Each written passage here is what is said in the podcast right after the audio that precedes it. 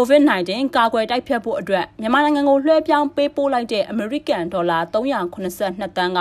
စစ်အာဏာရှင်တွေရဲ့လက်ထဲမှာပျောက်ဆုံးနေရလို့ IMF ရဲ့ပြောခွင့်ရသူ Jerry Rice ကနိုဝင်ဘာလ3ရက်နေ့ရဲ့သတင်းစာရှင်းလင်းပွဲမှာပြောဆိုလိုက်ပါတယ်။အဲ့ဒီငွေတွေကိုစစ်တပ်ကအာဏာသိမ်းဖို့ရပ်ပိုင်းအလိုမှာနိုင်ငံတကာငွေကြေးရန်ပုံငွေဖွဲ့ IMF ကလွှဲပေးခဲ့ရလို့ဆိုပါတယ်။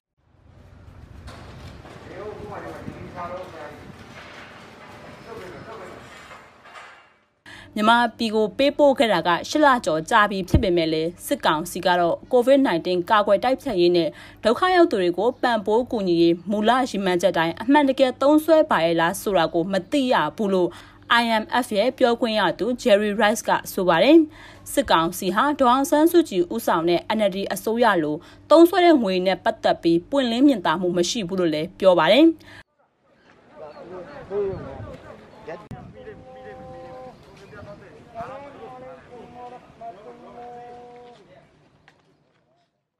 COVID-19 ကာကွယ်တိုက်ဖျက်ဖို့အတွက် IMF ကပြီးခဲ့တဲ့2020ခုနှစ်ဇွန်လမှာအမေရိကန်ဒေါ်လာ356တန်းကိုပထမအကြိမ်ပေးပို့ခဲ့ရလို့လည်းပြောပါတယ်။အဲ့ဒီငွေနဲ့ပတ်သက်ပြီး NLD အစိုးရကမြန်မာကျပ်ငွေတန်းတရာထက်ပိုများတဲ့ကန်ထရိုက်လုပ်ငန်းမှန်သမျှကိုထုတ်ဖော်အသိပေးဖို့သဘောတူခဲ့တာကိုလည်းဆိုပါတယ်။ ဒါအပြင်မြန်မာနိုင်ငံစည်ရင်းစစ်ရုံးချုပ်ကလည်း COVID-19 နဲ့ပတ်သက်ပြီး3လတကြိမ်အစီရင်ခံစာထုတ်ပြန်အသိပေးဖို့သဘောတူခဲ့တာဖြစ်ပြီးနောက်ဆုံးအစီရင်ခံစာကိုတော့ NLD အစိုးရကဇန်နဝါရီလ29ရက်နေ့မှာထုတ်ပြန်ပေးခဲ့ပြီးလက်အိတ်နှာခေါင်းစည်းနဲ့ဆေးဝါးတွေကိုဝယ်ယူခဲ့ကြောင်းဖော်ပြခဲ့တယ်လို့ဆိုပါတယ်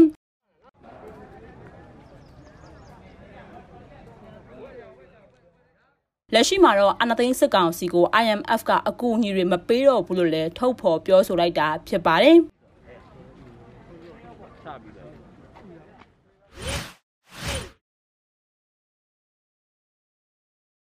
စင်ကာပူ Stock Exchange စီးရင်ဝင်ကုမ္ပဏီဖြစ်တဲ့ Yoma Strategic Holding ကုမ္ပဏီအနေနဲ့လုပ်ငန်းလည်ပတ်မှုတွေကိုရန်နာပြီးဖက်ဆက်လုပ်ငန်းတွေကိုလည်းပိတ်ပစ်တော့မယ်လို့ကုမ္ပဏီရဲ့ CEO နဲ့အမှုဆောင်အရာရှိ Mr. Melvin Pan ကဂျပန်သတင်းဌာနက Nikkei Asia ကိုပြောဆိုထားပါတယ်။ ရိုးမစရက်တစ်ဟိုဒင်းကုမ္ပဏီကမြန်မာနိုင်ငံမှာအိမ်ချမ်းမြေငွေကြေးဝန်ဆောင်မှုလူသုံးကုန်နဲ့မော်တော်ယာဉ်ကဏ္ဍတွေမှာယင်းနှိမ့်နှံထားတာဖြစ်ပါတယ်။ကျွန်တော်တို့လုပ်ငန်းလည်ပတ်မှုတွေကိုရနာရမှာဖြစ်ပြီးတော့ဖက်ဆက်လုပ်ငန်းတွေကိုလည်းပိတ်သွားမယ်အပြင်ကုမ္ပဏီရဲ့ပိုင်ဆိုင်တဲ့လုပ်ငန်းတွေကိုလည်းလာမယ့်လအတွင်းမှာရောင်းနိုင်ခြေရှိရလို့ကုမ္ပဏီရဲ့ CEO နဲ့အမှုဆောင်ဒရိုက်တာကဆိုပါတယ်။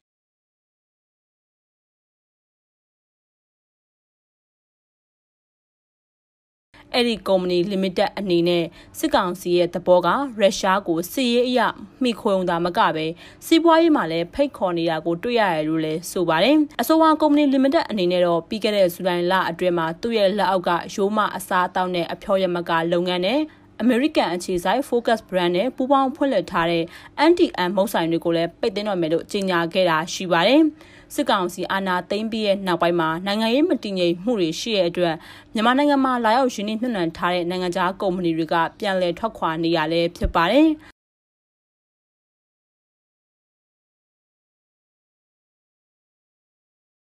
2020-2021ဘဏ္ဍာနှစ်မှာစက်တင်ဘာလ30ရက်နေ့အထိ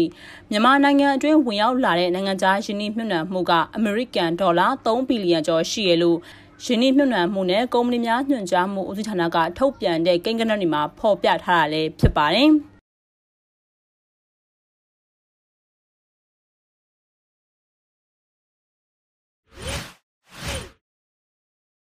ဩစတြေးလျကုမ္ပဏီတစ်ခုကနေစစ်ကောင်စီကိုစစ်သုံးရေဒီယိုဆက်သွယ်ရေးကိရိယာတွေရောင်းချနေတာတွေကိုပိတ်ဆို့အရေးယူနိုင်ဖို့တောင်းဆိုကြမဲ့လှုပ်ရှားမှုမှာအားလုံးလက်မှတ်ပါဝင်ရေးထိုးဖို့ကိုတိုက်တွန်းထားပါတယ်။ Bharat Communication ဆိုတဲ့စစ်သုံးရေဒီယိုရောင်းချတဲ့ Australia ကုမ္ပဏီက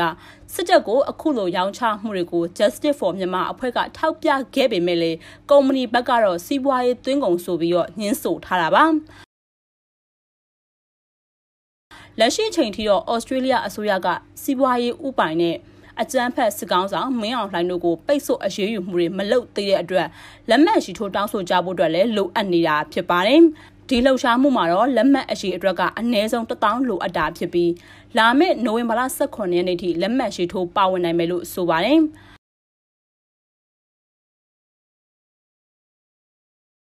ဒါအပြင်သွေးစွန်းငွေဖက်တောက်ရေးလှုပ်ရှားမှုအနေနဲ့မြန်မာပြည်ကိုကယ်တင်ရေးစစ်ကောင်စီကိုဝင်မပေးကမ်ပိန်းကိုလည်းပြီးခဲ့တဲ့ချက်ပိုင်းမှာပြုလုပ်ခဲ့ရလဲရှိပါတယ်။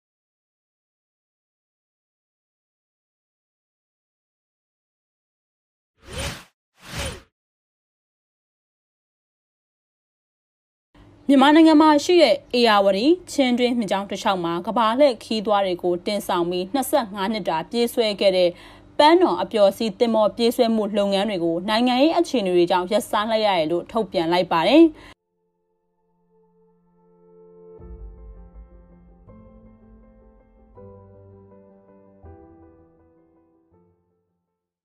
မြစ်တွင်အပျော်စီးတင်မော operator ပန်းတော်ရဲ့ website နဲ့လူမှုကွန်ရက်တွေမှာ COVID-19 ကြောင့်နိုင်ငံတကာအပန်းဖြေခီးစဉ်တွေထိခိုက်တဲ့အတွက်ဗီယက်နမ်ကမ္ဘောဒီးယားလာအိုနဲ့အိန္ဒိယနိုင်ငံမှာရှိတဲ့လုပ်ငန်းတွေကိုပိတ်သိမ်းရပြီးမြန်မာနိုင်ငံကလည်းနိုင်ငံရေးအခြေအနေတွေကြောင့်ကုမ္ပဏီကငွေဖော်နိုင်မှုတွေကင်းမဲ့တာကိုဗစ်ကရောဂါအလွန်မှာလည်းနောက်ထပ်ငွေကြေးဆက်ထုတ်မှုကိုမရှာဖွေနိုင်တော့တဲ့အတွက်မြစ်ကြောင်အပန်းဖြေခီးစဉ်ကိုရက်ဆိုင်ရုံကလွဲပြီးအခြားနည်းလမ်းကိုရွေးချယ်စရာမရှိလို့အခုလိုကြေညာရတာလို့ဆိုပါတယ်။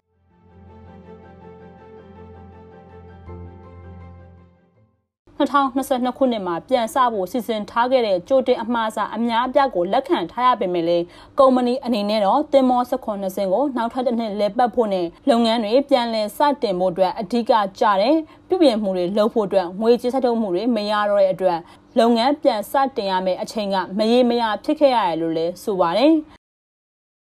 ရင်းနှီးမြှုပ်နှံသူအသစ်တွေရှာဖွေဖို့ဒါမှမဟုတ်အခြားပုံစံနဲ့ဗဏ္ဍာရေးထောက်ပံ့မှုတွေရဖို့လွန်ခဲ့တဲ့နှစ်တွေကကုမ္ပဏီအနေနဲ့မနာမနေကြံဆောင်ခဲ့ပေမဲ့လည်းအောင်မြင်မှုတွေမရခဲ့ဘူးလို့လည်းဆိုပါတယ်။မြန်မာနိုင်ငံမှာအပျော်စီးတင်မောနဲ့ညအိတ်မြစ်တွင်းခရီးစဉ်တွေကိုအေယာဝတီမြစ်နဲ့ချင်းတွင်းမြစ်တို့မှာပထမဆုံးပြေးဆွဲပေးခဲ့တဲ့ပန်းတော်ကုမ္ပဏီကို Scotland လူမျိုးတမိုင်းပညာရှင် Postra Chan ကထူထောင်ခဲ့တာဖြစ်ပြီးမိသားစုပိုင်ကုမ္ပဏီလည်းဖြစ်တာပါ။ ပန်းတော့အပန်းဖြေမြစ်ချောင်းခီးစွန်တွေကိုရက်လိုက်ရပေမဲ့လည်းလက်ရှိမြမအကြက်တဲမှာမြမပြည်သူတွေကိုထောက်ပံ့နေတဲ့ပန်းတော်အကူအညီပေးအဖွဲ့ကတော့ဗန္နာရေးထိချုပ်မှုအဖွဲ့ရဲ့လမ်းညွှန်မှုတွေနဲ့လုပ်ငန်းတွေဆက်လက်ဆောင်ရွက်နေရလို့လည်းသိရပါတယ်။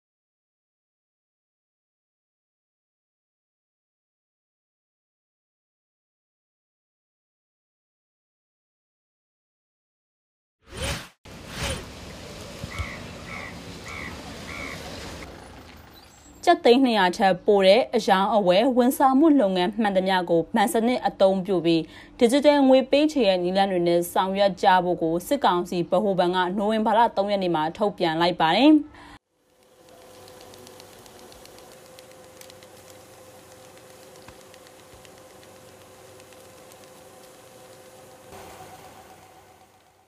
ငွေပေးချေမှုစနစ်တွေကိုပုံမထိရောက်စွာအကောင့်ထဲပေါ်ဖို့အခုလိုဆောင်ရွက်တာလို့ဗဟိုဘဏ်ရဲ့ထုတ်ပြန်ချက်မှာဖော်ပြပါတယ်။အခြေပစ္စည်းနဲ့ကုန်ပစ္စည်းရောင်းတာဝယ်တာလွှဲပြောင်းတာတွေအတွက်ငွေပေးချေမှုဝန်ဆောင်မှုတွေအတွက်ငွေပေးချေမှုနဲ့အခြားငွေပေးချေမှုပြုလုပ်တဲ့နေရာမှာတစ်ချိန်ကိုငွေသားပေးချေမှုကျပ်သိန်း200ထက်မပိုစေဖို့ကန့်သက်ထားပြီး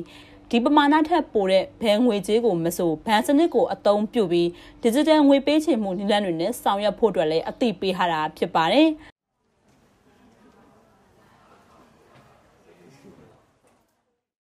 ကျပ်သိန်း200ထက်ပိုတဲ့ငွေပေးချေမှုတွေကို digital ငွေပေးချေမှုနည်းနဲ့ဆောင်ရွက်တဲ့နေရာမှာ mobile ဘဏ်လုပ်ငန်း mobile banking internet ဘဏ်လုပ်ငန်း internet banking တွေနဲ့ပေးချေရာဘဏ်ကတ်တွေနဲ့ပေးချေရာ ချက်လက်မှတ်ငွေပေးအမိတ်လွှာ PO တွေနဲ့ပေးချေတာစရင်ပြောင်းပေးချေရနဲ့ငွေသားနဲ့ဗန်ထဲကိုပေးချေပြီးငွေသွင်းပြီးကြောင်းစာရွက်စာတမ်းအထောက်အထားတွေတင်ပြပြီးငွေပေးချေရဲ့နည်းလမ်းတွေကိုအသုံးပြုရမယ်လို့လည်းဆိုပါတယ်